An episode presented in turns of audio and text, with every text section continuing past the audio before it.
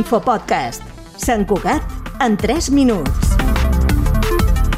Sant Cugat va registrar 2.442 donacions al Banc de Sang i Teixits el 2023, el que representa un 32% més que l'any anterior. L'augment també s'ha produït en les donacions de plasma, que han crescut de les 112 del 2022 a les 138 del 2023. En el rànquing de donacions al Vallès Occidental, el municipi se situa en quarta posició, només per darrere de Terrassa, Sabadell i Cerdanyola. En l'àmbit comarcal, les donacions s'han incrementat molt lleugerament fins a arribar a les 26.242 només un 0,1% més.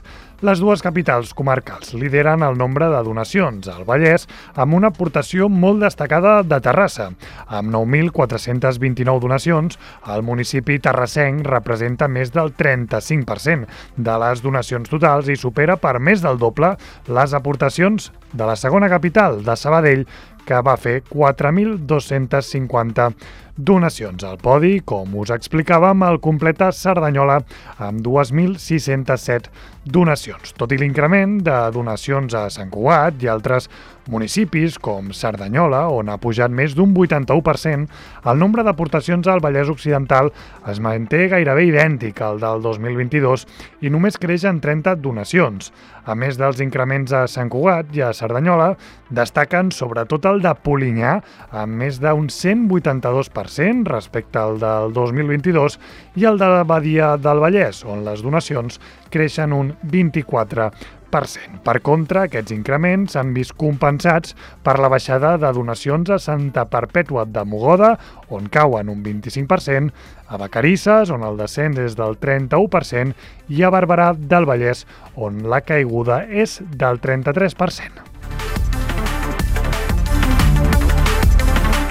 I enguany, la Marató de Donants de Sang de Catalunya va arrencar l'11 de gener i es va allargar fins al dia 19, sota el lema Fer-ho entre tots és molt nostre. El repte era arribar a les 10.000 donacions en una setmana a tot Catalunya i poder remuntar les reserves de sang afectades, com cada any, per les festes de Nadal. Enguany, s'hi han quedat molt a prop i han superat les 9.500 donacions. A banda dels principals hospitals, la iniciativa ha comptat amb més de 60 col·lectes repartides arreu del territori aquest 2024, però Sant Cugat no ha format part d'aquest circuit. Recordin, com sempre, que poden consultar al web del Banc de Sang i Teixits la propera donació a Sant Cugat del Vallès.